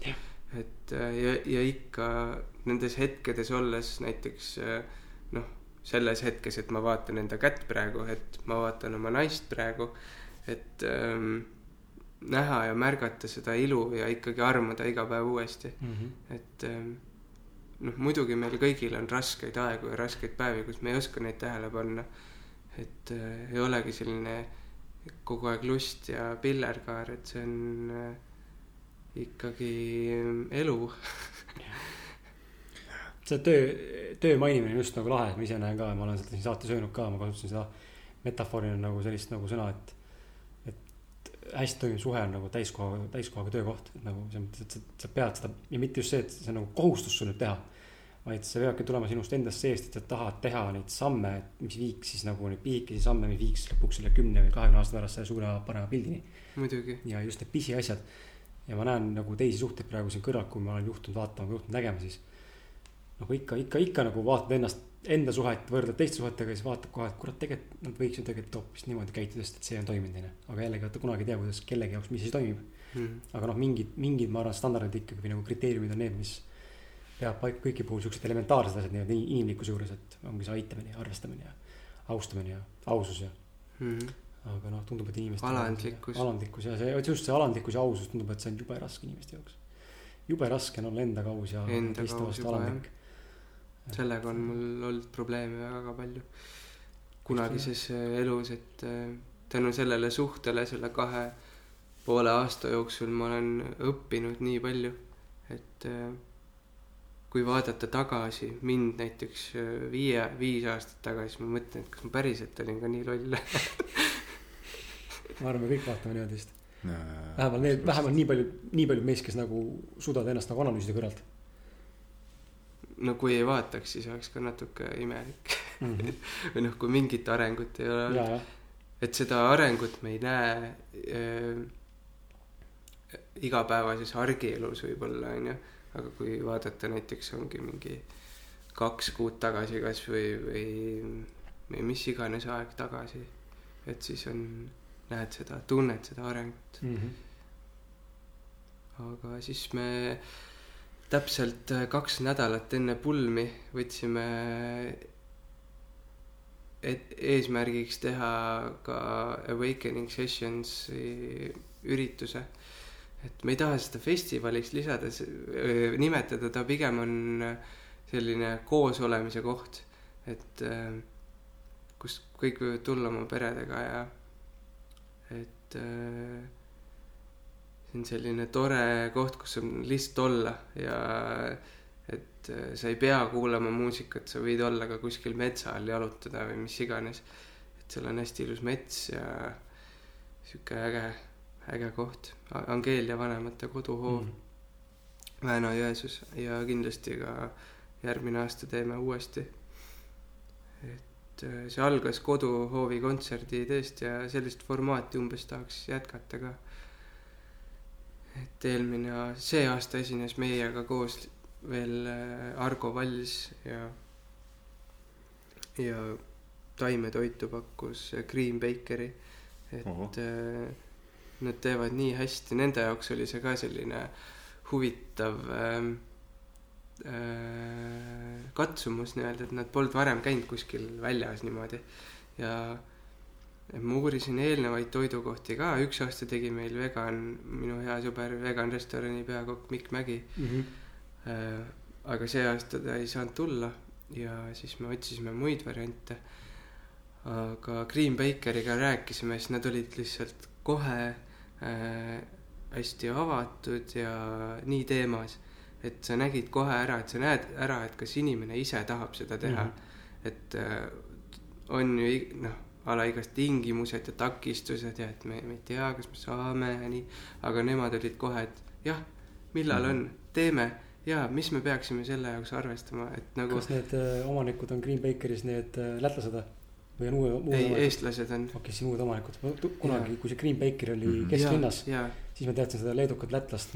Martinsit. mhm, mhm, temaga ma suhtlesin, aga ma tean, et see vend vist äh, pani putka kinni ja hakkas liha uuesti nii-öelda nagu praadima, praadima kõigis. okei, ärilises mõttes ei tulnud välja lihtsalt. mm, ma olen ka kuulnud midagi sellist. ja teda, ja nüüd ma ei teadnudki, et Green Bakeris uud eestlased ühesõnaga jah. väga eestlased lahe, ma ei teadnudki seda. ja nüüd asuvad kus kohas nüüd praegu? äh, nad on praegu vist Katusepapi tänaval. See on seal äh, noh, Ülemiste. ja, ja Sikupilli taga. et äh, neil on tõesti väga head toidud, et ähm, mitte, et ma hullult tahaks reklaami teha, vaid lihtsalt mm -hmm. äh, väga meeldivad nende söögid, et alati bufeesse minna, siis neilt saab nagu alati teada, et ükskõik, mis on, aga neil on ülihea. samamoodi ka tegelikult sadamas asuva Vigri vegan Vigri, jah. kohvikuga ja eks Tallinnas on neid veel tekkinud ja see on ülitore, et pakutakse tervislikku toitu. et ei pea enam minema Tommy grilli sööma, ma mäletan, kui ma käisin kunagi teismeeas, kui ma Tallinnasse sattusin, siis mulle meeldis käia seal Tommy grillis, võtta see hästi suur kebaab ja siis hästi palju liha vahel ja sihuke nagu noh, ja siis pärast muidugi ei jaksanud pool päeva mitte midagi teha. Et see ongi nagu suur erinevus, et et taimetoitu süües ma tunnen ennast kuidagi kergemana. kuigi taimetoiduga saab ka üle panna, onju Mhm. kõik oleneb sellest, kuidas, kuidas ma söön ja, ja kui kiiresti ma söön ja. täna just rääkisime sellest mm. -hmm. kiiresti jalgades söömisest. käisime Ja, ja. jah, veegmašiinis, võtsime purksid ja bataadifriikad Aa, ja siis õg- õgisime need see läks nii sisse. kiire sisse, et täitsa müstika noh. ja, ja ja, eks ja ma ise samamoodi. oota, teeme pausi. no tule, tule, ainekene. nii, uks on kinni, nii, ja siis ja samamoodi. Äh, tere. oi, see. selle vist lõikame Nii. välja või? no vaatame. nii, et äh, käisime jah, seal Balti jaamas söömas neid purkse ja ahnisime sisse selle endale ja siis pärast tekkiski siuksed väiksed süümekad, et kurat nagu üldse tegelikult ei nautinudki, et kuidagi lihtsalt kubistasin kaevust alla ilma närimata, onju. et tegelikult peaks õppima jah, nagu sa ütlesidki, toitu nagu rohkem võib-olla tunnetama ja toiduga rohkem nagu teistmoodi suhestama, sest et noh, ilmselgelt see, millise panuse me sellele või nagu millise väärtuse me sellele noh, tegemisele protsessile ehk söömisele anname, see tegelikult mõjutab ka meie nagu keha, onju, et Mhm. kui me sööme aeglasemalt, rahulikumalt ja naudime seda, siis on see kergem tunne sees. seda ma olen ka tundnud, ma just noh, vahepeal ma olen katsetanud, ma olen olnud täitsa vegan. Ja noh, viimasel ajal ma olen jälle tegelikult hakanud sööma ka aeg-ajalt kana, kala päris palju. noh, piimatooteid enamasti väldin. aga kuidagi viimasel ajal olengi mõelnud, et mis siis nagu, kas ma tunnen ka mingit reaalset vahet nagu siis, kui ma eks olin täitsa vegan mm -hmm. või nüüd, kui ma söön nagu päris palju taimset toitu, aga aeg-ajalt ka natuke siis mingi liha või veidi muna või, või kala. tegelikult jah, kohe, kui sa ütlesid, et, et kergem tunne, siis mul tuli ka meelde, et see on küll nagu üks vahe, et ma võin süüa nagu suure, suure portsu on ju taimset toitu ja mul on pärast enamasti ikka kerge olla kuigi kõht tegelikult on nagu täis mm, mm. -hmm. -hmm. puuduse mõttes ei jää ju milleski. mis sul, mis see piibel näitab? jaa, tegelikult äh, ma loen siit.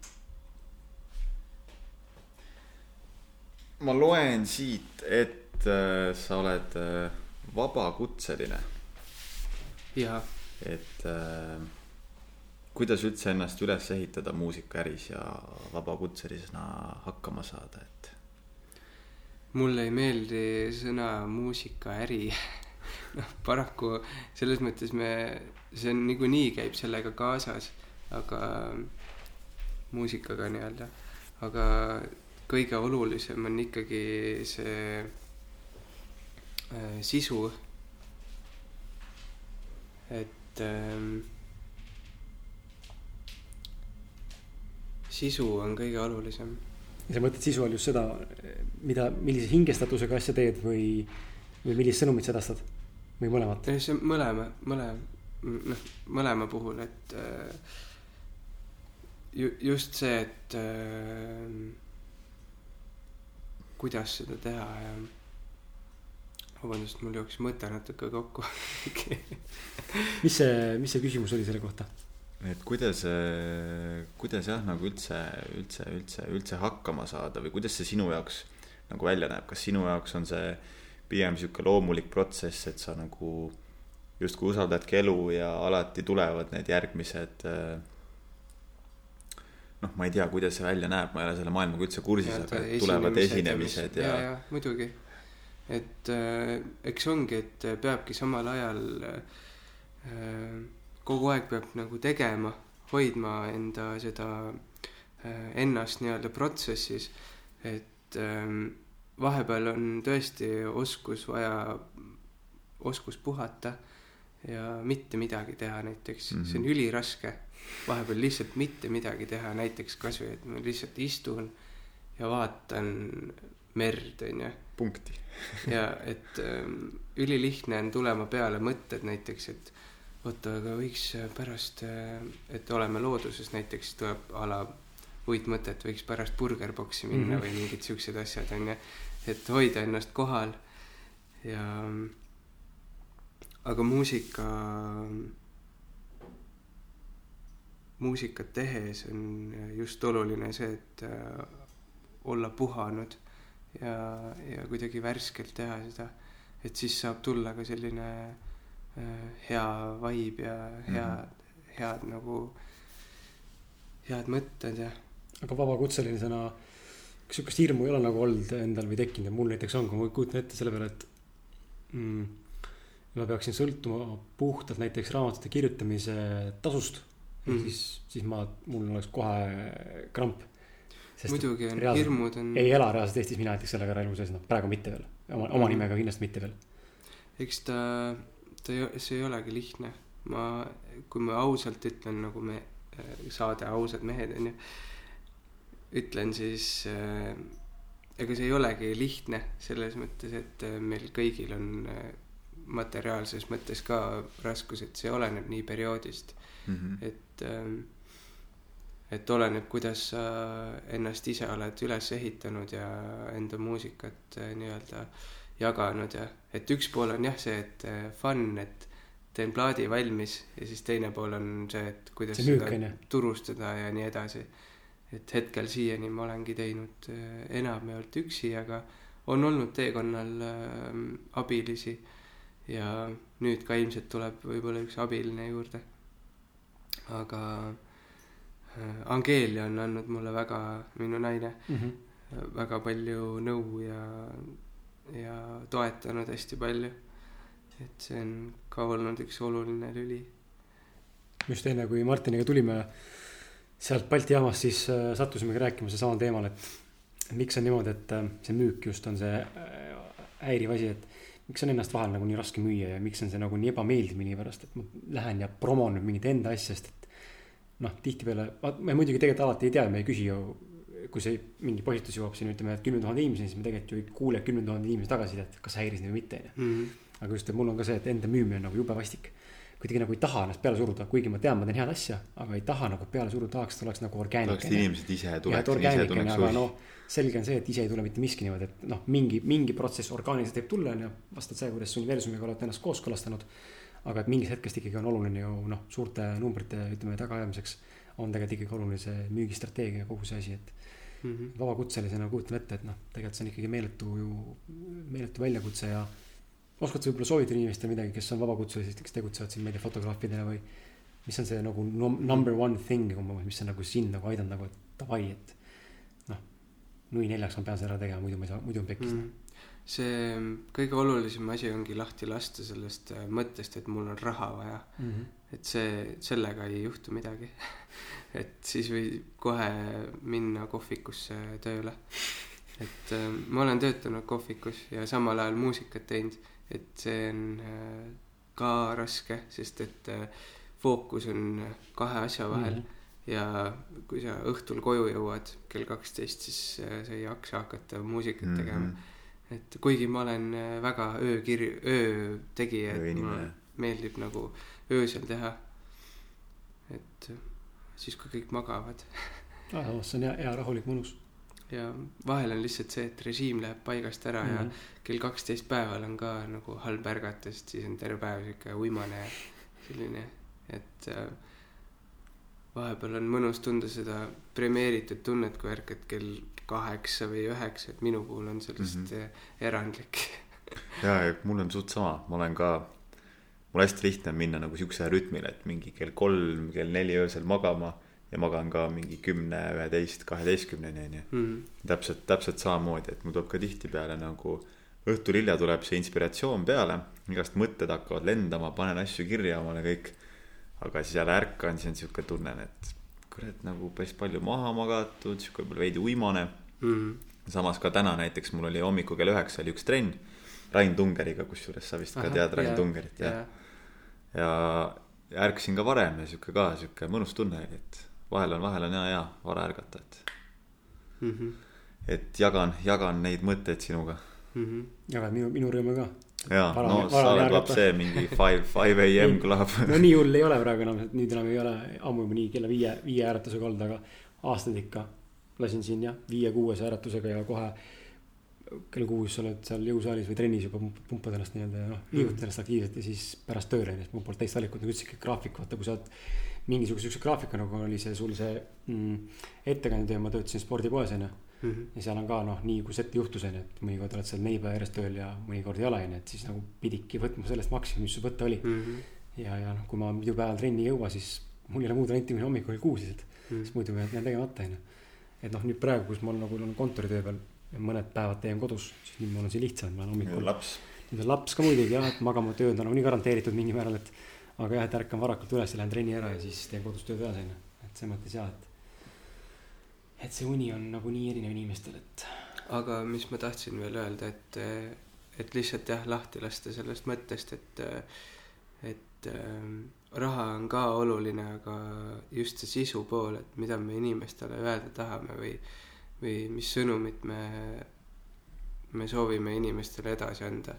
et mis äh, suures pildis äh, annaks nagu maailmale juurde, et kuidas me saaksime seda paremaks teha, kui keegi näiteks mu muusikat kuulab või, mm. -hmm. või kui keegi näiteks sinu raamatut loeb, et, et äh, või kasvõi see hetk, et kui keegi läheb meie Facebooki profiililt ära, et mida me jagame.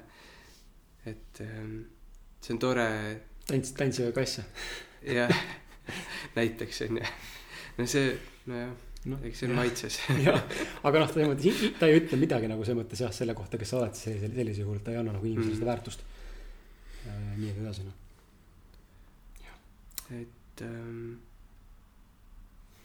ma tahtsin tegelikult äh, küsida seda, et äh, mis sa nagu oskad äkki soovita inimestele, et lähebki kokku selle teemaga, selle vabakutselise, kutselise teemaga ja, ja ütleme staatusega ja sellega, et sa jahid iseenda unistuste elus ja enda unistuste poole püüdlemine, et mida sa oskad soovitada inimestele, kellel on näiteks nagu sinu isagi, et on meeletu unistus tegelikult võib-olla mingi kuskil sügaval ja, ja samas on ka mingisugune noh, ütleme nagu nä- silmnähtav potentsiaal nagu läbi lüüa mm, mida sa nagu soovitad inimesele, kes ei julge neid samme teha, aga tegelikult võiks oma unistuste püüdmisel? sest sina ju püüad oma unistust, mina püüan oma unistust, Martin püüab oma unistust samamoodi, et mm. mis on see sinu sõnum, kuidas inimene võiks nagu, kuidas üldse noor inimene võiks ennast nagu või nagu selle, sellega nagu suhestuda rohkem või sellele lähestuda? tulebki lihtsalt proovida teha ja vahepeal isegi nagu mitte liiga palju mõelda. et äh, me kipume ka inimestena üle mõtlema või siis täiesti vastupidine variant, mitte mõtlema.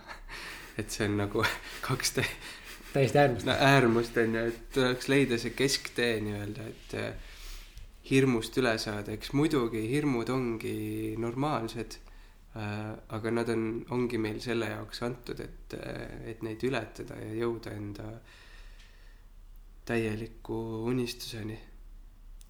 et äh, aga noh, selles mõttes äh, ongi mingisugused väiksed eesmärgid, mis me paneme endale paika, et a la, et ma teen endale aastaplaani, et äh, järgmine kuu või järgmine aasta võiks tulla uus plaat või, või mitte kuu, aga noh, järgmine Mhm. aasta on ju. et võiks tulla uus plaat, et ähm, mis see sisu oleks või kuhu ähm,, mis ma sellega öelda tahaksin. Et siuksed pisikesed eesmärgid, et äh, need on väga aitavad edasi Need on li- lihtsam püüda nii-öelda, püüda seda, et ma nüüd lähen teen plaadi on ju, et noh. ja kui sa see eesmärgi teed ära ja tunned, et okei okay,, et see vist ei olnud võib-olla see õige onju, siis proovid midagi muud. aga noh, ma mõtlen oma alal näiteks, aga peaasi, et äh, oleks äh, püsivus, et neid hetki kõigil on, et äh, üliraske on. Mhm. et ma olen mitu korda olnud selles nagu äh, kohas, kus ma tunnen, et okei okay,, aitab, et ma rohkem muusikat ei tee. et suva äh,, ma teen midagi muud. aga siis äh, teedki võib-olla midagi muud ja jõuad selleni tagasi terve armastusega. ja tihtipeale need hetked, kus sa nagu tunned, et kõik ma enam ei tee, see tegelikult on ju puhas äh, ütleme nagu emotsioon või hirm selles mõttes ju teadmatuse ees ja võib-olla ka selles, et sa pole täna veel siin, kus sa tegelikult tahaksid olla võib-olla mm. oma visioonis on ju, et tegelikult ei ole ju põhjust ennast nii-öelda nagu lõigata lahti milleski, mille vastu terve elu on huvi olnud puhtalt sellepärast, et noh, täna on siit päev on ju, et Mm. aga nii juhtub meie kõigil selles mõttes. ja, ja ei tasu nagu liiga palju, noh, tuleks nagu eesmärgid nagu seada, aga mitte liiga palju ette mõelda. mm -hmm. et see on nagu, et elu on elamiseks, mitte ma ei tea, muretsemiseks. et eh, see on ka asi, millest ma olen saanud eh, nii-öelda sellest äh, vanemate mustrist või sellest välja. et ma olen ka tundnud, et, et see on mind terve elu mõjutanud, aga siis mingi hetk nagu avasin silmad ja sain aru, et okei okay,. et äh, nüüd on aeg teha midagi mm. -hmm. ära. et ja siis hakkavad asjad juhtuma, Mhm. et te näete seda ise ka, absoluutselt. Et äh, kui teed, siis on ka tulemus. Ükskõik, kas sa liigutad tassi niimoodi siin ääre peal, liikus. et seda on küll mul võib-olla siin lihtne öelda onju et tegelikkus on see mingi sada korda raskem mm. -hmm. teha on alati aga protsess tegelikult läheb ikkagi samaks. ja ja jah, jah, samamoodi ma ju ütleme ka, noh, ma olen ka kakskümmend viis praegu, keskkooli lõpetasin aasta hiljem. siis käisin Austraalias, käisin Tais, tegin mingeid erinevaid töid, viimane töö oli äh,. töötasin Rataskaevu restoranis Rain Tungeri all, eks ju, mm -hmm. ja, ja no tund, noh, ülikõva koht on ju, kindlasti oled käinud seal. ja tagasi, tagasi pole kutsunud sind tööle või? et ülikõva koht on ju super kogemus, aga no sain aru, et no see ei ole minu jaoks, no lihtsalt ärkan hommikul üles selle tundega, et fuck my life, noh. ja siis äh, tegin, tegin siukse sammu, mis oli mega hirmutav, et võtsin end töötuks, noh. hästi tugevalt oli juurdunud see, et mees peab iseendaga hakkama saama, on ju, et mis mm. -hmm. mõttes võtan end töötuks, kolin ema juurde elama ja ja maale kuhugi, onju. aga võtsin need töötuks, võtsin aja maha eh, niimoodi pooleks aastaks ja läksin personaaltreeneri kursustele ja. Ja siis, kui ma tulin eh, eelmine sügis, tulin siis siia Tallinna, tulingi niimoodi, et eh, täielik teadmatus, mingi kolme kuu jagu raha. ja üks klubi kuskil laagris, mis oli mind siis nii-öelda vastu võtnud tööle ja täielik teadmatus, kas jään ellu, saan hakkama treenerina või siis pean midagi tegema hakkama. ja siiamaani nagu mega lahe on, kõik on läinud nagu ägedalt tegelikult ja äge äge, äge protsess olnud, et samamoodi see.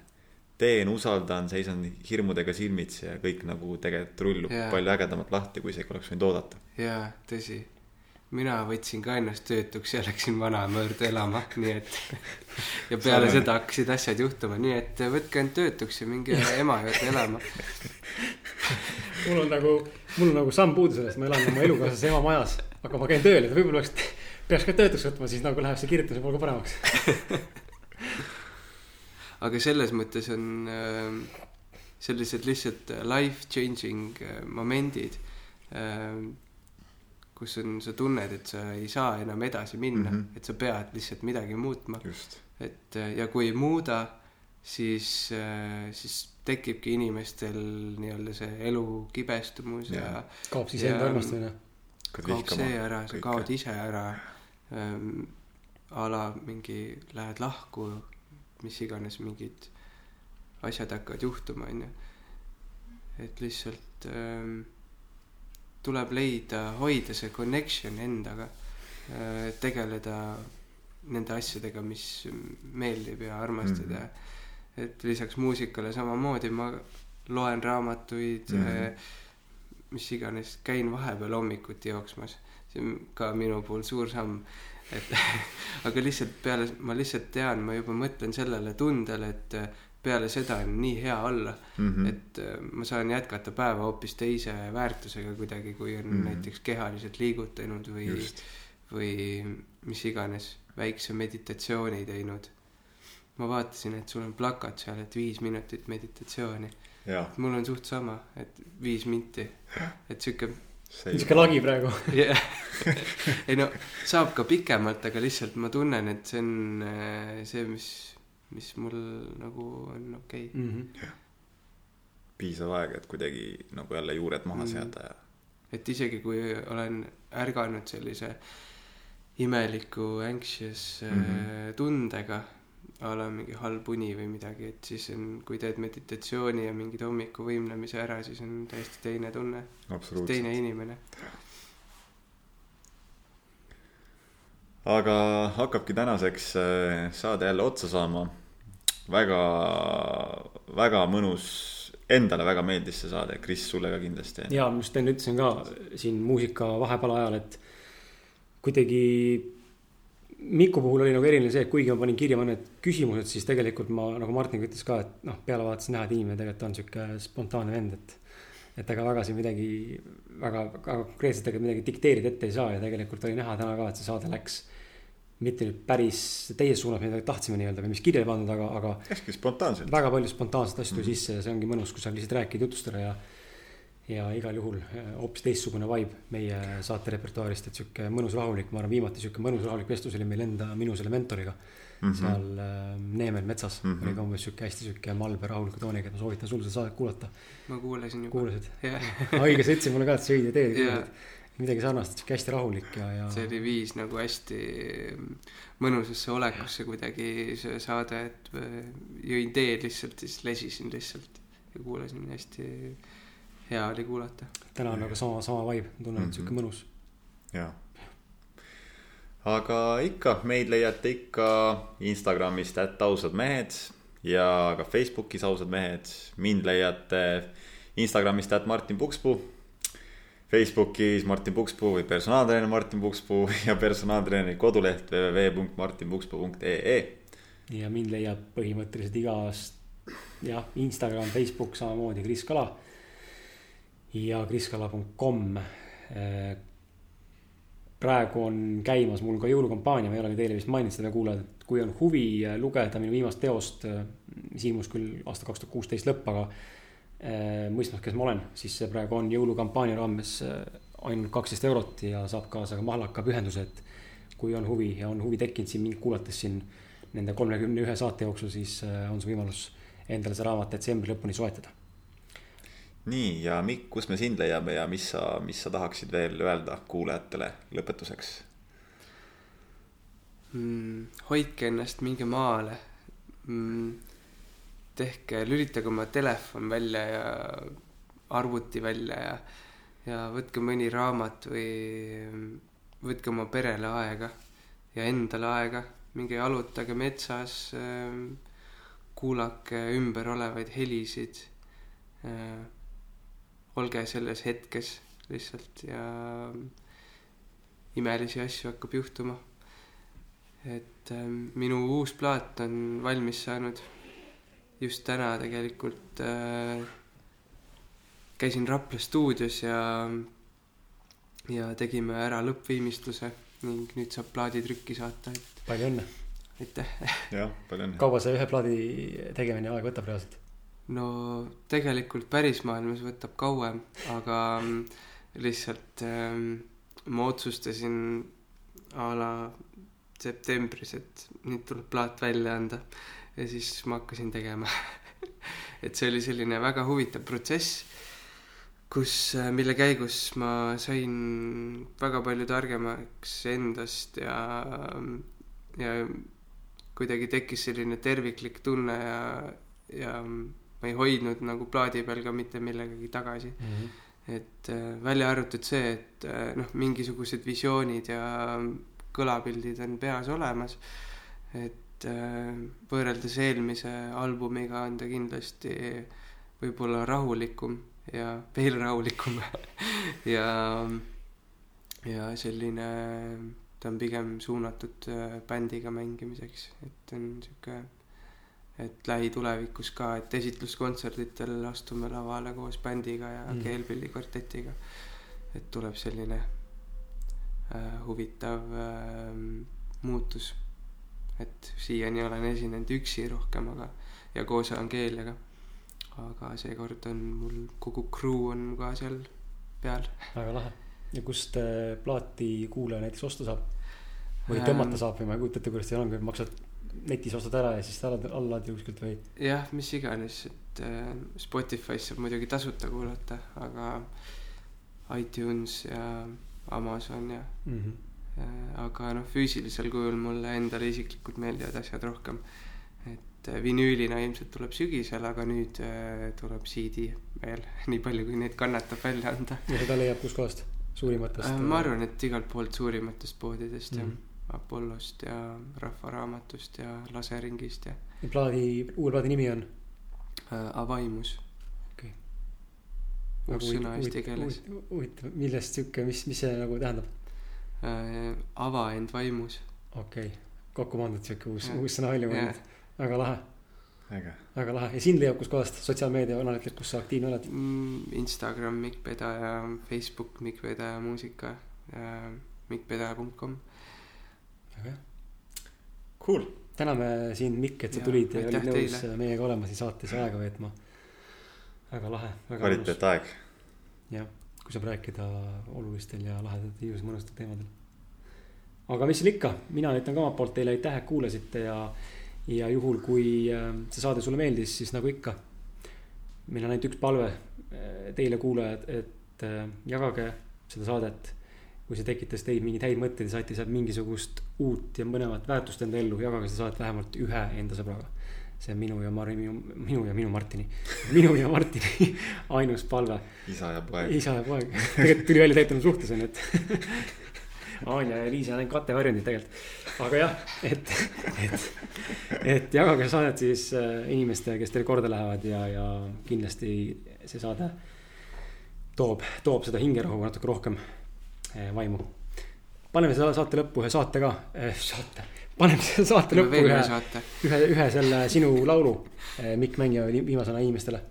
mis me paneme? paneme äkki midagi uuelt plaadilt, üllatus. näiteks, üllatus, nime ütle ähm,. ma ei tea. paneme, siis kuulete. nime, kõik, kõik need laulud nimed on, äh, jäävad ka siia SoundCloudi description'isse. vot, aitäh ja, ja ilusat kuulamist ja näeme juba järgmisel reedel. Tšau, tšau.